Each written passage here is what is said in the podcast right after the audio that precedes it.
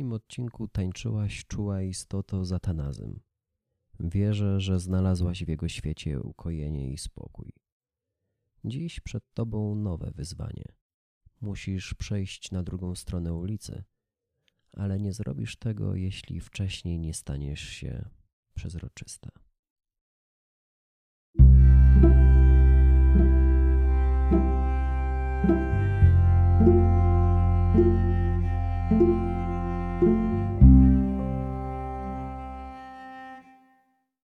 Zaczęło się od tego, że któregoś dnia stanąłem przed przejściem dla pieszych, zmęczony kolejnym dniem w pracy, w przeciasnej koszulce, pod którą uwypuklał się wzdęty brzuch, co budziło pragnienie odpięcia guzika w spodniach.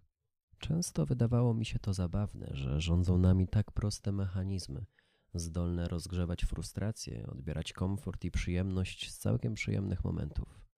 Niestrawność, zaparcia, wesołe miasteczko w żołądku – wszystko to może przemienić każdą chwilę w uciążliwą mękę. Mimo lata wcale nie było gorąco.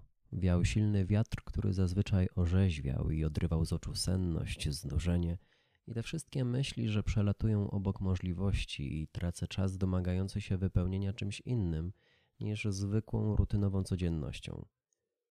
Wodziłem wzrokiem po ludziach stojących naprzeciwko. Zdarzyło się spojrzeć też po twarzach wokół i z trudem powstrzymywałem swoją przed okazaniem zniesmaczenia. Od wczesnych lat młodości, gdy daleko było do zgorzknienia i nieustannego zmęczenia, kreśliłem w swojej głowie wizje, w których na scenie stał tylko jeden człowiek ja, a wszystkie reflektory wymierzone były w moją stronę. Nieistotne było, czy miałem wyróżniać się śpiewem, porywającą grą aktorską, czy przemową na wiecu wyborczym. Liczyło się wyłącznie skupianie na sobie wzroku ludzi stojących niżej, pod sceną, zespojonych z ciemnością stadionu. Zajmowałem się tymi wyobrażeniami podczas lekcji, w trakcie popołudniowej nauki, wieczornych spacerów, w snach, w wannie i w kościele. Chodziło zawsze o poczucie, że głos należący do mnie ma siłę unoszenia, popychania ku wzniosłym czynom, ale doskonale wiedziałem, jaka była prawda. Chodziło o podziw, o autorytet tak wielki, że niezdolny do kwestionowania, o sławę, prestiż i uznanie szczególnej roli, o bycie zauważonym i niezbędnym światu i poszczególnym osobom. Upajałem się tą perspektywą. Irytowałem się, gdy czułem, że świat realny, ten możliwy do dotknięcia palcami, rozmija się ze światem wyobrażonym, czyni wszystkie jego elementy śmiesznymi, snotymi przez syna beznadziei i przeciętności – potomka ludzi zwykłych, pozbawionych polotu, pasji i odwagi. Tego dnia, gdy stojąc z wzdętym brzuchem przed znanymi mi pasami, bo przecież przechodziłem po nich od kilku lat, od poniedziałku do piątku, nie mogłem już ruszyć. Tkwiłem przed przejściem jak jeden z kołków postawionych wzdłuż drogi, omijany przez spieszących na tramwaj, po dzieci w przedszkolach, do lekarzy w przychodniach, biegnących z siatkami wypełnionymi zakupami, z plecakami z książkami i elektroniką, młodych i starych, wesołych i smutnych. I stałem wpatrzony w dwa kółka i grające barwami, raz zieloną, innym razem czerwoną, i nie byłem w stanie podnieść nogi, by zrobić krok przed siebie. Zrozumiałem, że wszystkie te wizje, z którymi zdążyłem się zżyć, zbratać ufnie w przeświadczeniu, że zapisane w nich jest moje przeznaczenie, domagające się tylko prób, zachęt i starań, że te przywidzenia ode mnie odeszły. Znudziły się życiem w mojej głowie i z dnia na dzień przestały się mną interesować. Zostawiły mnie z pustką w środku i nowym pragnieniem, które w ogóle nie miało w sobie nic z wielkości. Wtedy zachciałem stać się przezroczystym.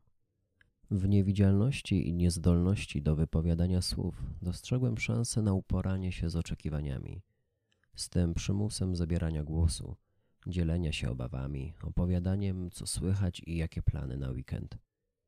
Chciałem niepostrzeżenie kręcić się między ludźmi, być koło nich, ale pozostawać w ukryciu, mieć luksus spokoju i ciszy. Jakże odległe mi wtedy były dziecięce wizje.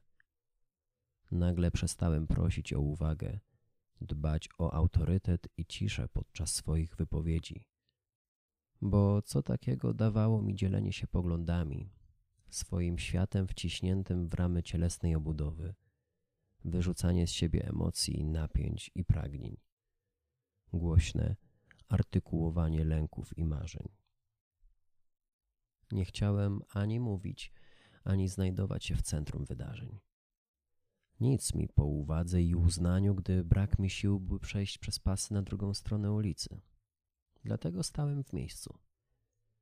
Mijały godziny, dni, może nawet miesiące, bo wydawało mi się, że raz smagał mnie wiosenny wiatr i moczył majowy deszcz, a zaraz potem wysuszał skórę żar sierpniowych popołudni, by chwilę później obijały się o mnie zerwane, słabe i umierające liście, robiące miejsce przyszłym płatkom śniegu. Trudno było zorientować się w czasie, bo pędził. Nie okazywał żadnej litości, jakby nie znudził się jeszcze igraniem z tymi, co próbują go przechytrzyć. I w końcu się udało. Poczułem, jak przeze mnie przechodzą ci, którzy jeszcze przed momentem musieli mnie omijać jak niewygodną przeszkodę stojącą im na drodze do celu. Przenikali przeze mnie, zatrzymywali się tylko na widok czerwonej barwy przed sobą, choć i tu niektórym zdarzało się pędzić bez opamiętania. A zatem pragnienie się wypełniło. Zdematerializowałem się. Narodziłem się ponownie jako brak, jako nieobecność. Pozbawiony znaczenia, wolny od pytań i odpowiedzi. Mogłem w jednej chwili unieść się ku górze i przemieszczać szybko, dynamicznie. Jeśli byłem, to tylko emocją i ukłuciem w trzewiach, bez przeszłości i przyszłości. Przezroczystość. Zarówno jestem, jak i mnie nie ma. Czy można istnieć w lepszej postaci? I byłbym pewnie przyglądał się ludziom z bliska. Przysiadał im na ramionach i na kolanach. Chwytałbym ich plecaki i siatki z zakupami. Przenikał do słuchawek, Stawał między nimi, by przysłuchać się rozmowom, poznać ich życia, odczytać słowa. Ale w świecie przezroczystym ludzie na ziemi nie są wcale ciekawi.